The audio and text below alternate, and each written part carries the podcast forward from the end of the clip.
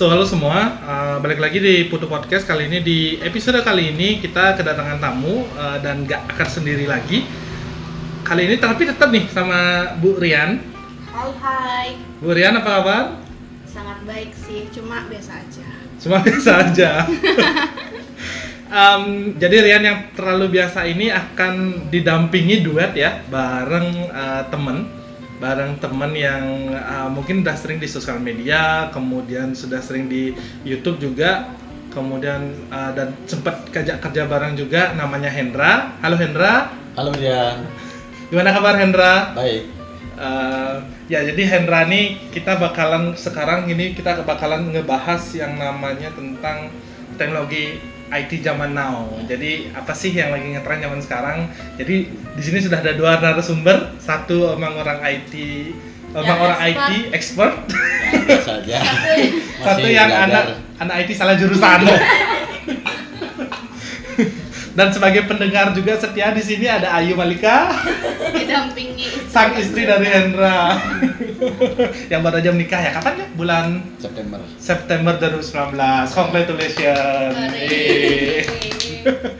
So um, jadi tujuan podcast hari ini itu tadi adalah ngomongin teknologi IT zaman now. Kayak hmm, ya apalah tentang software IT nanti kita improve aja seperti apa kita akan pembahasannya. Um, kemudian Hendra sekarang sibuk apa Sekarang sih sibuk di Project Light. Project Light Eh, project di mana Project Light itu eh, startup di Singapura. oh oke Startup itu menyewakan eh, konstruksi alat berat seperti Oh. bulldozer, eh, mobil itu. alat berat sekarang sewa menyewa ya Ya, itu eh, konsep bisnisnya seperti ini. Alat berat itu kan jarang ada yang punya itu kan. mahal Mahal. Hmm. dan perusahaan-perusahaan konstruksi sendiri pun eh, nggak nggak punya yang alat-alat seperti itu maka Mm-mm. dari itu biar nggak mubazir alat itu disewakan Eh, sama kayak kalau di kantor-kantor tuh nyewa komputer ya, Ya. nyewa Hmm. printer, nyewa komputer, awareness ya kayaknya ya, awareness, kayak awareness jadi dia nyewain komputer dan dia di kom- Bukannya awareness merek ya? enggak, awareness itu kampus sayang. Oh iya, Ah. tapi kan maksudnya punya Oh iya, iya jadi punya produk. dia dia dia boleh minjemin printer, minjemin monitor, jadi ada label awarenessnya. Nanti kerusakan kan gitu bagus juga. Sebenarnya itu base Singapura dikerjakan di Bali Ya. gitu ya. Oh, Oke, jadi sibuknya itu doang. Eh, Di luar kantor? di luar kantor ada set job Oh, masih iya. sampai saat ini sih set jobnya itu udah eh, berjalan hampir 2 tahun sampai sekarang Oh, Oke oke. Jadi set job jadi freelancer ya, udah dua tahun. Tapi dari kantor nggak masalah jadi freelancer gitu. Eh, nggak masalah masalah, soalnya semua teman-teman kantor ngambil kerjaan set job. Oh benar benar. Beda ya di kantormu juga. Udah kantorku nggak boleh ya. sama sekali sekarang ada jadi freelancer. Kalau ketahuan langsung cut. Oke, em, jadi Hendra ini adalah teman kantorku dari eh, kantor lama gitu. Udah berapa tahun di sana? Dua tahun ya? Dua tahun. Ya, Dari tahun 2000 14 dari, dari ah kita kenal dari Oke. tahun 2014 jadi kita satu tim di untuk uh, software development Hendra sebagai developernya aku sebagai testernya sekaligus implementer. Jadi istilah-istilahnya agak asing ya. Mungkin Rian asing nggak istilah Enggak gitu? dong. oh enggak. Oh ya karena anak IT juga ya tapi salah jurusan.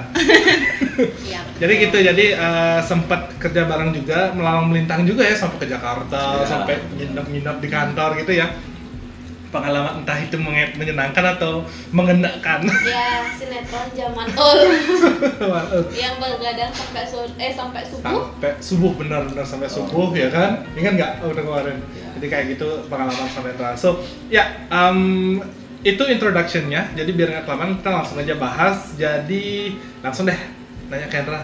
So Hendra gimana menurut pendapatmu tentang IT zaman now nih kan kamu sebagai eh, kayak udah malang melintang gitu di dunia per IT-an Eh, kalau menurutku sih eh, IT sekarang udah semakin berkembang dan eh, banyak juga framework-framework bermunculan.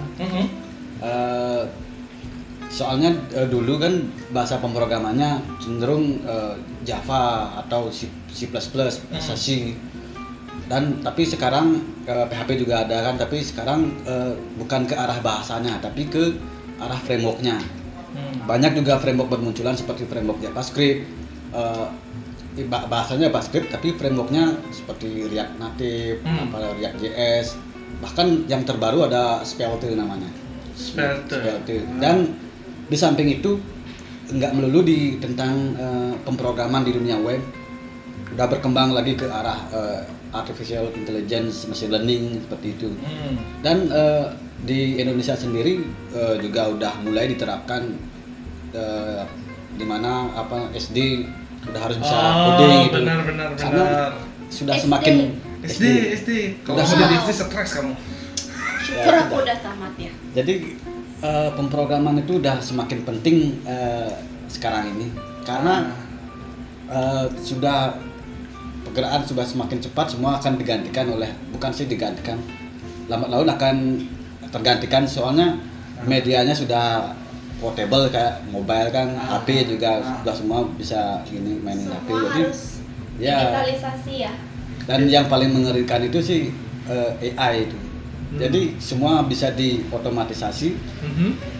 dan pekerjaan-pekerjaan yang dulunya manual akan tergeser dan digantikan oleh AI. Ya Oh. contohnya yang paling eh, yang paling akan eh, terlihat juga pilot mungkin ke depannya ada Autopilot. auto autopilot memang udah ada cuman tapi mungkin nggak ada pilotnya langsung di sana gitu loh. Pilotless. Pilot mengurangi pilot. Ya.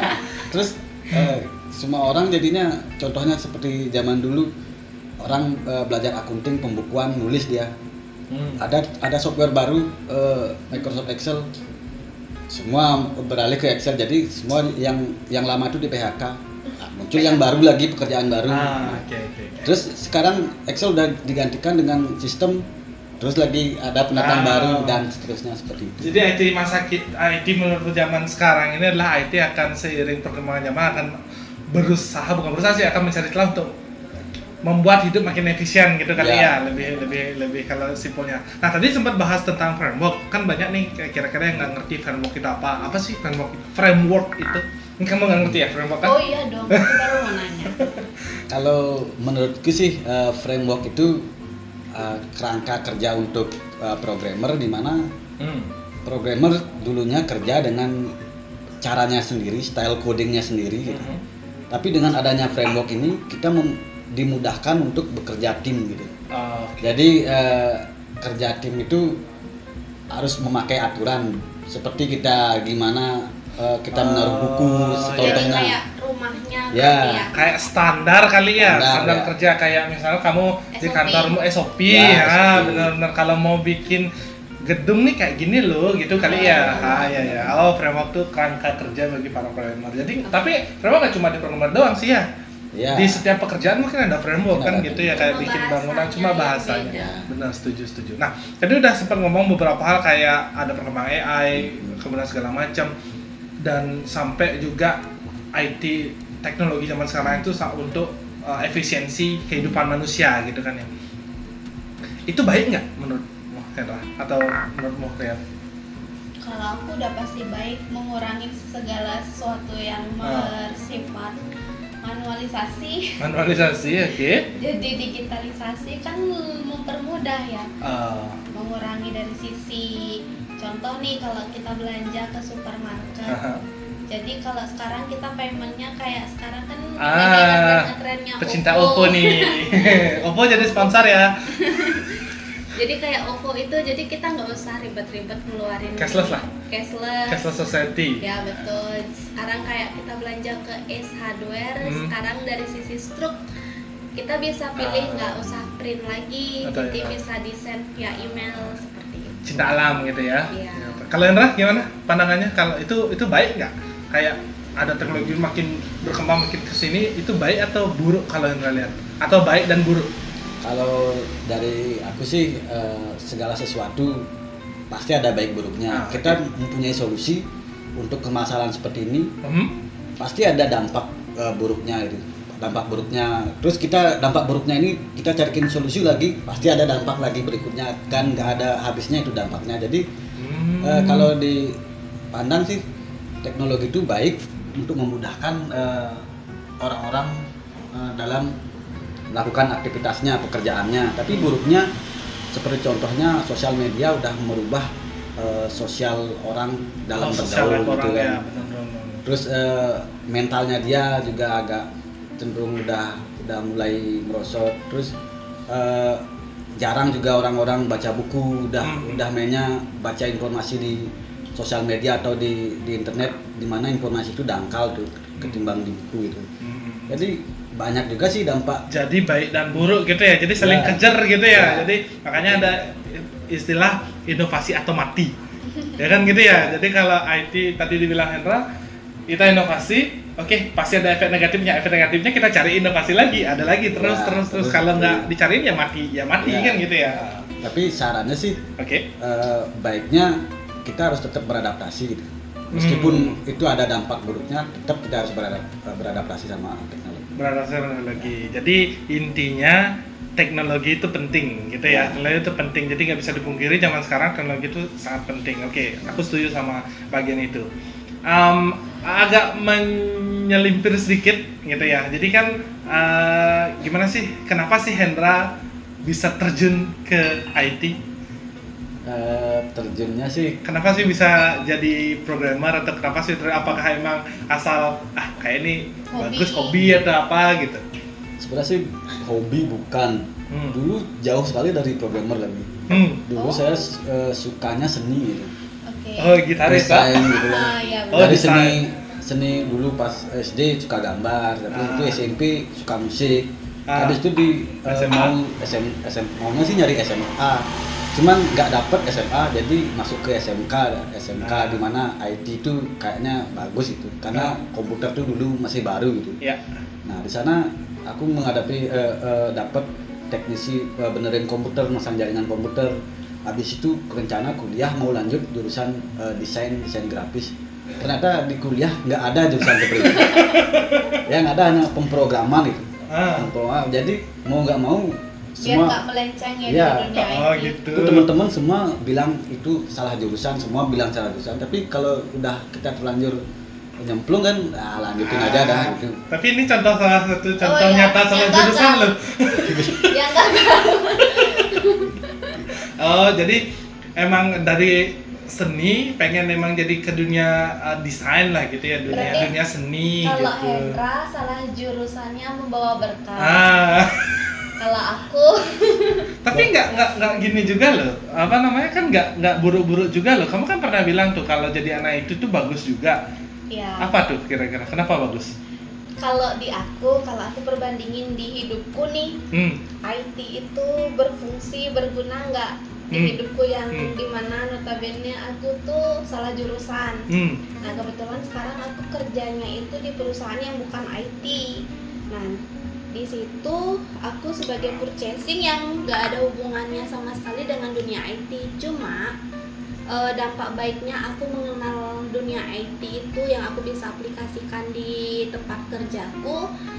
Jadi aku tahu nih karena kan kita dulu di IT kita diajarin alur oh algoritma algoritma. ah Jadi kan kita harus belajar alurnya seperti apa meskipun algoritmasnya ah masalahnya apa. Ah. Jadi kita harus belajar alurnya dulu nih. Oh, jadi jadi ilmu yang pen, apa nggak rugi jadi anak IT itu adalah karena belajar algoritma. Iya, jadi kamu betul. menyelesaikan masalah itu step by step. Iya, kan programmer gitu ya, bener ya. Programmer kan menyelesaikan semua masalah step by step gitu ya.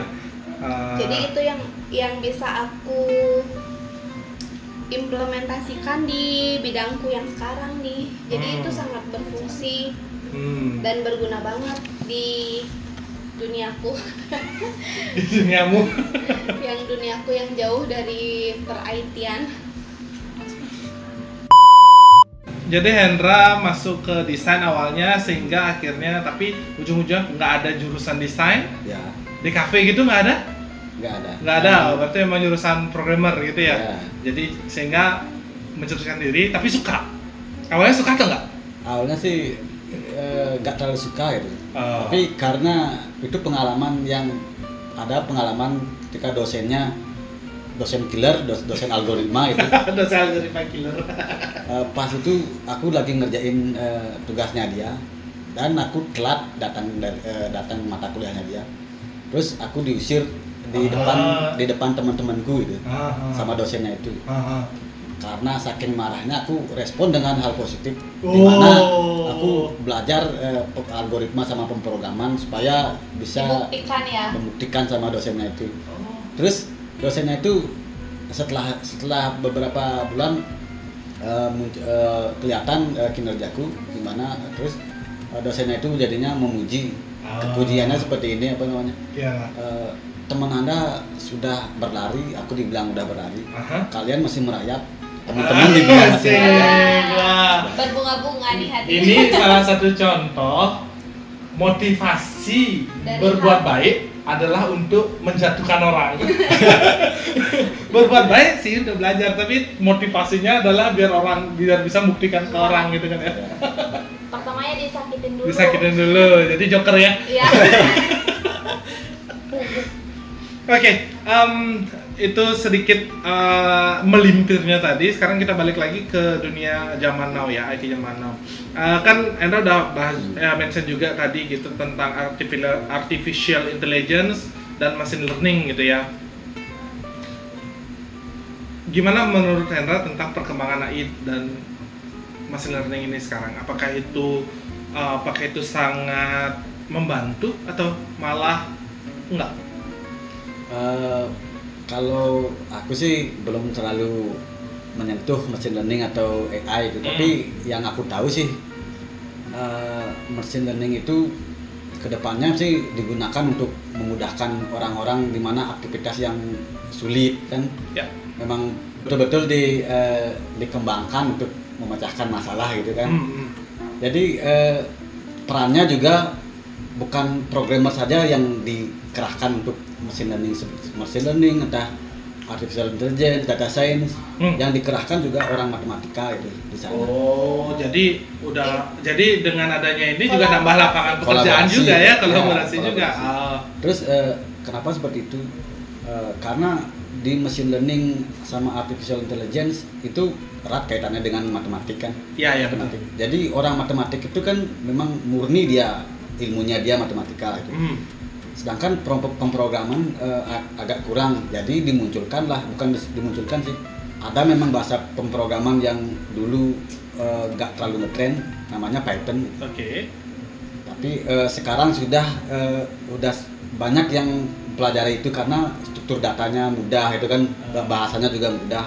Jadi orang-orang yang eh, pengalaman pemrogramannya kurang seperti orang matematik eh, menggunakan bahasa Python sendiri Hmm. biar lebih eh, cepet gininya kan pe- pe- pemrogramannya itu Oke. Berarti orang yang bis jurusan matematika juga bisa, bisa pemrograman. bisa pemrograman Oh, double ya berarti dapat ilmunya. Ya, makanya tadi dibilang Hendra tuh AI dan machine learning itu kan nggak cuma ilmu sederhana yang cuma programmer aja bisa. Oh, uh-uh. Di dalamnya tuh juga ada matematisnya, Mm-mm. kayak hitung apa statistika mungkin ya, Statistika. statistikanya masuk Oh, gitu. Sehingga kan anak programmer yang kayaknya ilmunya nggak ke statistika digabungkan nih sama anak Jadi statistika, anak pakai matematika. bahasa Ah, ah, yang dengan bahasa bahasa yang lebih gampang gitu ya.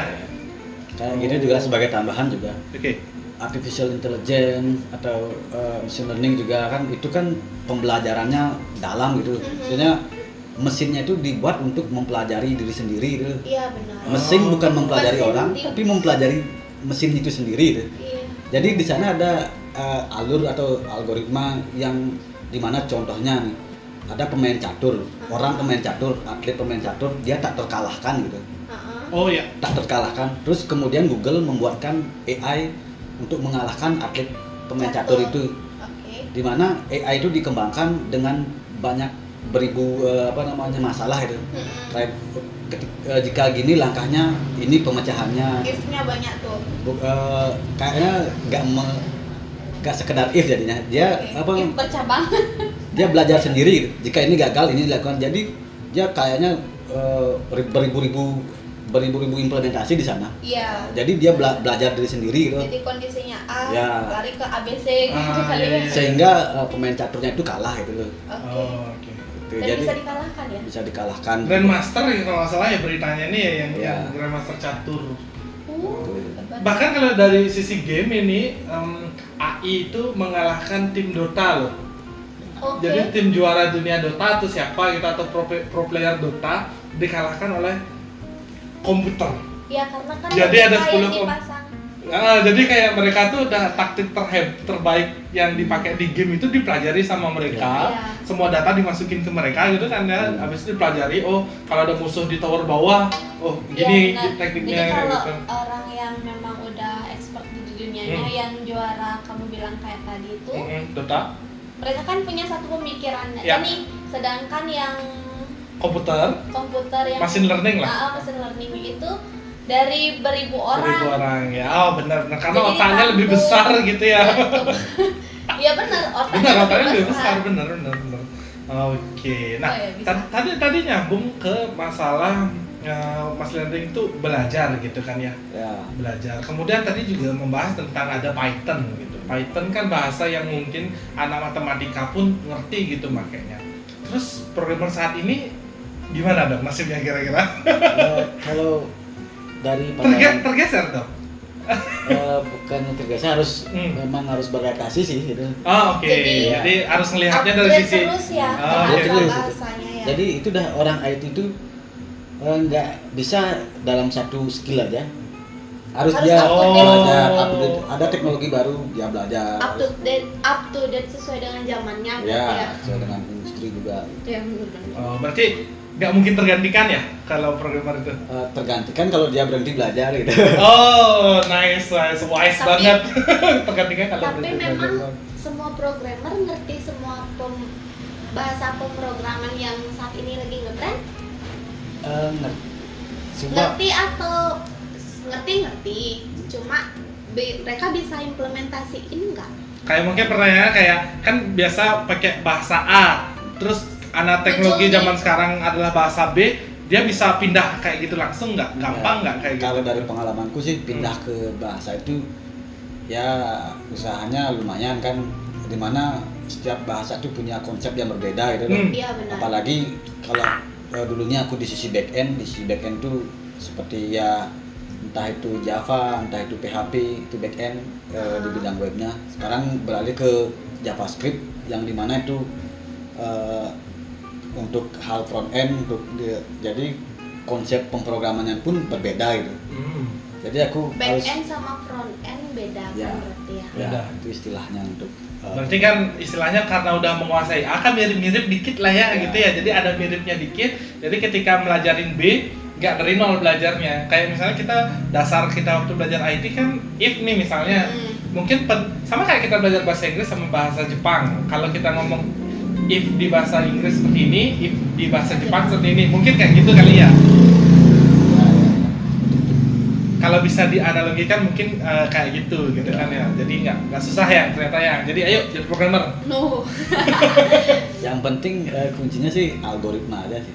Iya betul. Karena kan kalau di dunia nyata cowok itu memang pakai logika makanya kalau programmer itu kebanyakan cowok. Kalau cewek itu mainnya perasaan nggak bisa. Nanti kita undang Opi ya, kenapa dia jadi iya. jadi programmer Aku ya? kan nggak bilang tidak menutup Oh, kemungkinan gitu. cewek bisa, cuma lebih mayoritas yang jadi programmer itu kan cowok. Oh gitu. Iya kan? Oke, jadi itu tadi kita ngebahas sudah tentang uh, programmer istilahnya akan tergantikan jika berhenti belajar, Iya. gitu ya. Oke. Next question kepada Hendra.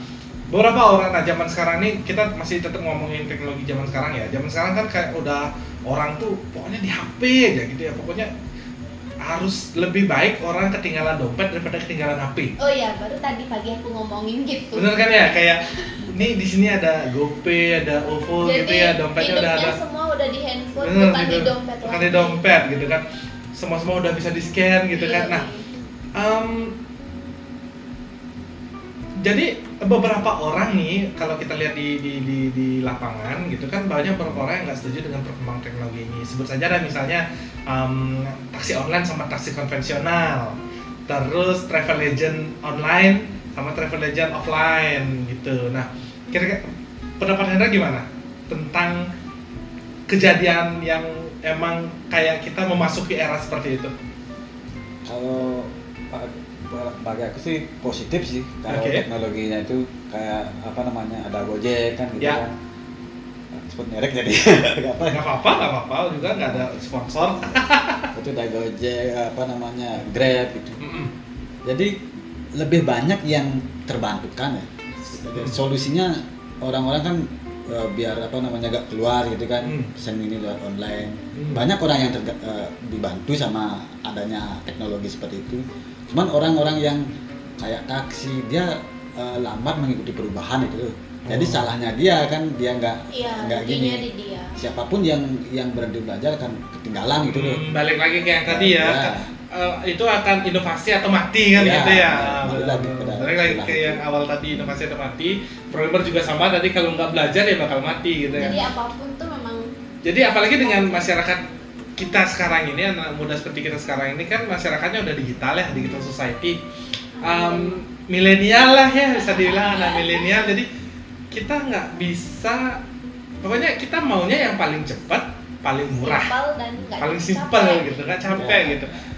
Ya sebut saja itu Gojek Grab kan itu simpel sangat membantu. Ya. tapi di sisi lain dari sisi yang manualisasi yang masih konvensional masih gini cuma ya emang itu dinamikanya tapi mau nggak mau kita memang harus melangkah ke sana. Iya. sama kayak kita sekarang ya Mhm. bahkan cash aja kita nggak bawa gitu kan ya kecuali untuk beli-beli di di warung-warung kayak gitu. Kalau kita bisa bayar bayar ya kartu. Kartu. Bayar kartu. Bayar kartu. Itu eh, Hah? dari transportasi kan transportasi anggaplah kayak ya ojek ojek yang yang masih Pangkalan. konvensional itu opang kan opang Ah. itu kan nggak eh, menengah ke bawah atau gimana lah eh, pemikirannya. Bank bank sendiri pun kalah eh, inovasinya sama orang-orang pendatang baru atau teknologi baru gitu. Hmm. contohnya bank-bank eh, seperti Mandiri, BCA kalah saing dia karena udah ada kedatangan baru seperti OVO, Dana itu iya iya benar. Dia baru ngeluarin link aja ya seperti itu. Ya, jadi kan dia ya. kalah punya nasabah udah udah lewat jadinya. Kenapa dia nggak nggak berpikir kreatif atau munculkan inovasi seperti itu lebih awal gitu. Jadi dia nggak kehilangan nasabahnya jadinya nasabahnya kan dan beralih ke dana gitu. Ya dan salah satunya juga yang membuat kita lebih senang pakai OVO dan Grab dari sisi promosinya mereka dan barang Ah, gitu loh. Jadi ya. dapat cashback lah segala macam yang menggiurkan yang membuat kita aduh kita pakai ini aja deh dibandingkan kayak contoh tadi link aja. Itu kan belum dari sisi mi- ah, dari sisi promosinya kita belum dapat feedback apa apa nih. Hmm, benar-benar karena yang namanya itu kan itu kan startup ya. Ya. itu kan startup. Mhm. bagus banget nih uh, intronya mulus banget kita bakal ngomong startup Saya- aku juga bakalan nanya startup nih. Jadi kalau itu kenapa bisa dapat promo itu kan itu biaya perusahaan. Iya mereka Ah, mereka bakar duit. ah, mereka berani mereka banget bakar duit gitu. Oke nice banget nih tentang startup Hendra. Pernah kepikiran pengen join startup nggak? Join. Join. Atau bikin deh. Pernah tapi pernah. Tapi? gagal.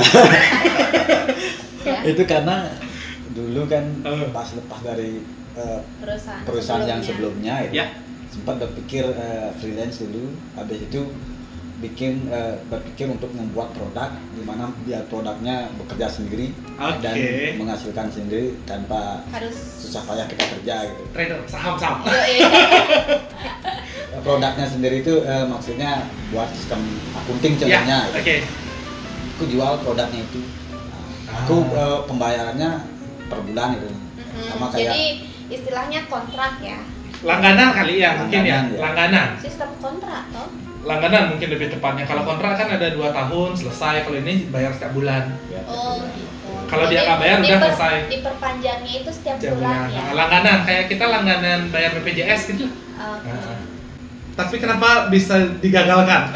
Seiring Karena- berjalannya waktu nih. sebelumnya kan eh, produknya itu juga udah sempet jalan sih eh, produk yang aku buat itu eh, sistem kooperasi berbasis web gitu. Wih. jadi eh, kooperasi yang aku sempat eh, pakai apa aku jual sistemnya di sana udah menerapkan selama lima bulan kurang lebih Oke. jadi kendalanya di kooperasi itu eh, orang-orangnya masih masih Oke. old school itu berarti masyarakat tua penggunanya yang, Ya. yang kayak dalam tanda kutip nggak mau ya, pakai banyak gitu ya faktornya sih itu udah pertama orangnya masih uh, Yang banyak yang ngelakuin. orang orang-orang tua yang pakai itu dan nggak mau belajar teknologi gitu. oke Dari sisi infrastruktur juga internet sama komputer juga masih lambat gitu disupport. kan oh oke. gitu. Jadi dia lebih memilih beli program program lama program yang Oh. udah eh, nggak bagus lah Eh, dan offline gitu Aha. beli putus eh, langsung dah bisa bisa dipakai Jadi seterusnya gitu. pakai program yang sebelumnya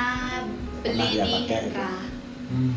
Yang sebelumnya beli. Yang di- sebelumnya ada di sana, ya kan koperasi itu punya gini Iya, dong. program yang sebelum beli. Sebelum beli di Hendra, oh ya gitu gitu. Oh tuh, otak ini. Wah, kurang aku. Wah. Ya, em, oke jadi pernah pengen bikin startup, tapi eh, gagal karena memang hmm. eh, Oke. kayak kurang pengguna gitu lah ya. Ya, dan Kurang aku pengguna. kerjanya juga sendiri kan Oh, nggak ada tim ya? Nggak ada tim Hmm. nggak enak juga kerja sendiri terus gitu Terus sekarang ini kan lagi banyak-banyaknya nih gerakan startup. Ada gerakan seribu startup, ada gerakan ini, pokoknya pence- mencetak startup sebanyak-banyaknya. Pandanganmu gimana tentang startup ini? Gerakan banyak startup kayak gini. bagus sih dari eh, memunculkan banyak-banyak eh, programmer jadi ada yang banyak yang tertarik eh, menggeluti dunia programming gitu kan karena startup itu ya keren lah di mata masyarakat dan Keren.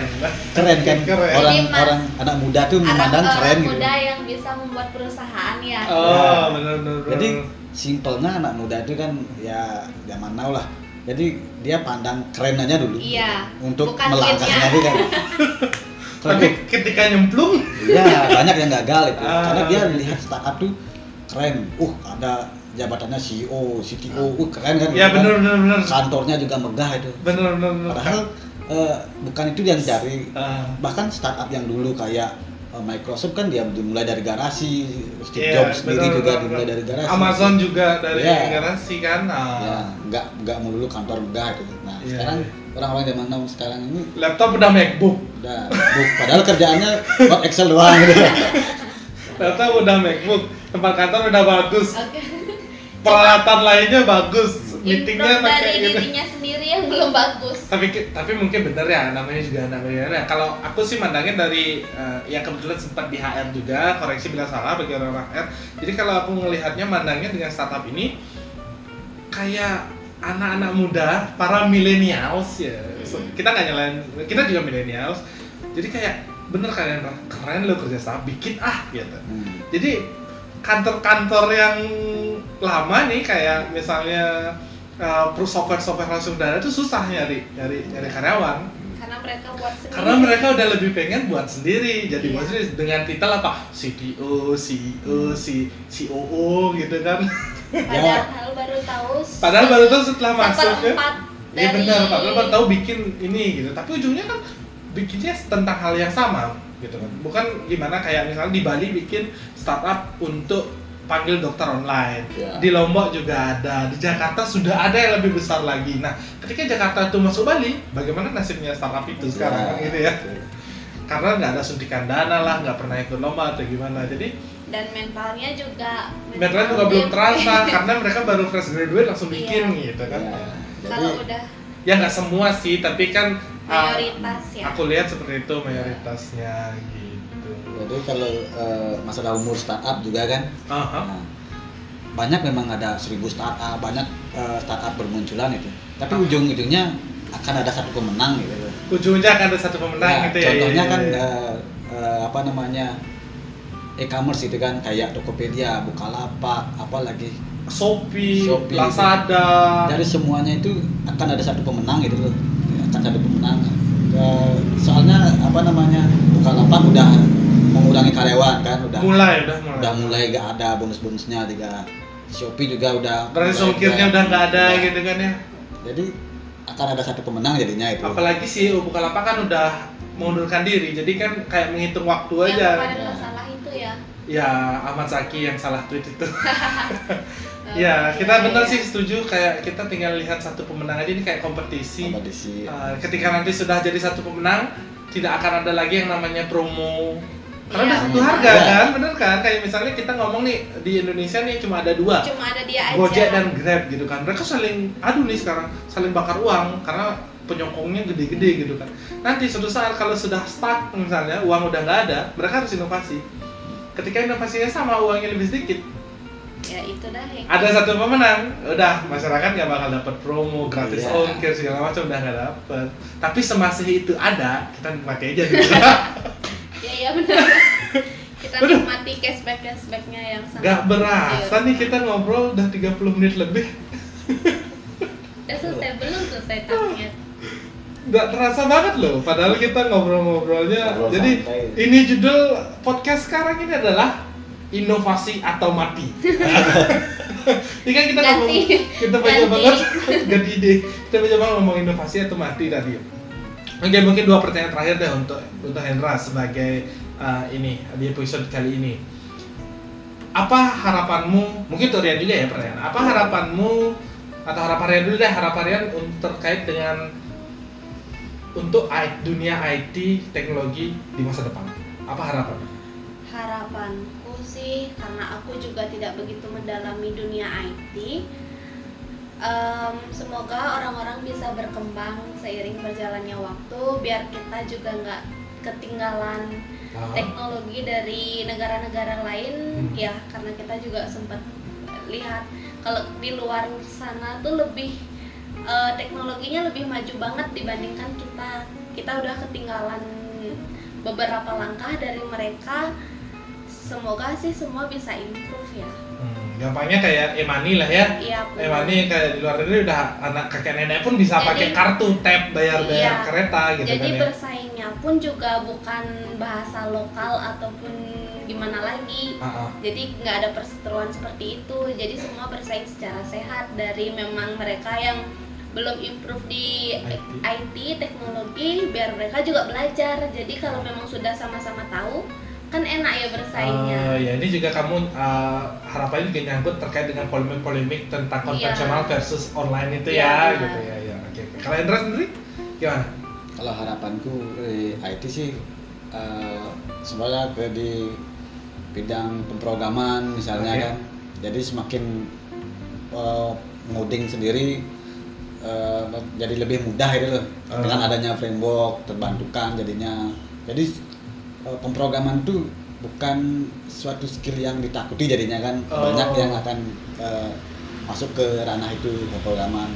Dan dari sisi globalnya juga jadi orang-orang eh, dalam beraktivitas tidak terlalu rumit jadinya kan Ah, biasanya kan oh, mau uh, mau masak oh bisa pesan gini kan oh, mau eh, ke pesen eh, pesawat udah jadi lebih Udah mudah jadi ya. eh, orang itu lebih bisa fokus ke hal yang tujuan utamanya itu jadi Ah. hal-hal yang eh, nggak sepele sih hal-hal seperti mesin taksi mesin pesawat udah bisa Hal kita gitu lah ya. pesen lewat rumah itu loh jadi dan cepat semua- lagi. semua terbantukan memudahkan orang orang sendiri udah berpikir ke lebih maju jadinya untuk kehidupannya Dan lebih memikirkan bagaimana inovasi hidup sih gitu ya. Ya. Untuk me- meningkatkan kualitas hidup kan gitu ya. Jadi harapannya keren juga sih harapannya jadi biar kalian berdua agak mirip sih ya jadi agar manusia ke depannya lebih lebih gini Iya, lebih melek IT dan hidup dengan IT berdampingan dengan Benar, IT benar. gitu kan lah ya. iya iya benar Lebih kamu melek lah sendiri gitu ya. nih apa nih harapanmu Harapannya sih adalah kalau aku sendiri ya dari per- perbincangan kita dari tadi ini adalah semoga teknologi itu selalu dapat membantu manusia. Karena aku kan banyak nonton film nih, banyak baca komik, banyak jadi Iron Apa? Man iya kayak ya bisa dibilang Iron Man. Teknologi dipakai untuk senjata, teknologi dipakai untuk perang. Bahkan sekarang Amerika kemarin yang kasus Iya, Iran ini iya. drone kan yang digunakan untuk membunuh jenderal gitu ya Iya. walaupun benar salah nggak ngerti juga tapi itu yang setidaknya jadi mereka udah sampai di itu gitu loh jangan sampai nanti teknologi yang ada zaman sekarang ini drone kah AI machine learning tadi yang kita udah bahas itu digunakan untuk hal yang negatif negatif gitu dan ya baik- Iya kan yang tujuannya kan agar manusia terbantukan nih kayak kalian bilang berdua. jadi harapannya sama juga sih jangan sampai teknologi digunakan untuk hal-hal untuk hal yang merugikan umat manusia dalam Ya, umumnya benar. gitu. Yang- jangan sampai teknologi membuat manusia terbunuh benar buat terbunuh. karena kan maunya Mungkin kita di menggantikan manusia dalam beberapa hal sih mungkin Iya, kan gitu ya. cuma kan Cuma kan jangan sampai jangan sampai memunahkan memunahkan manusia gitu. Harapannya sih ke depannya dan juga makin makin banyak hal-hal yang startup yang membantu kita yang beneran startup loh bukan yang cuma startup top datang udah jadi kayak gitu.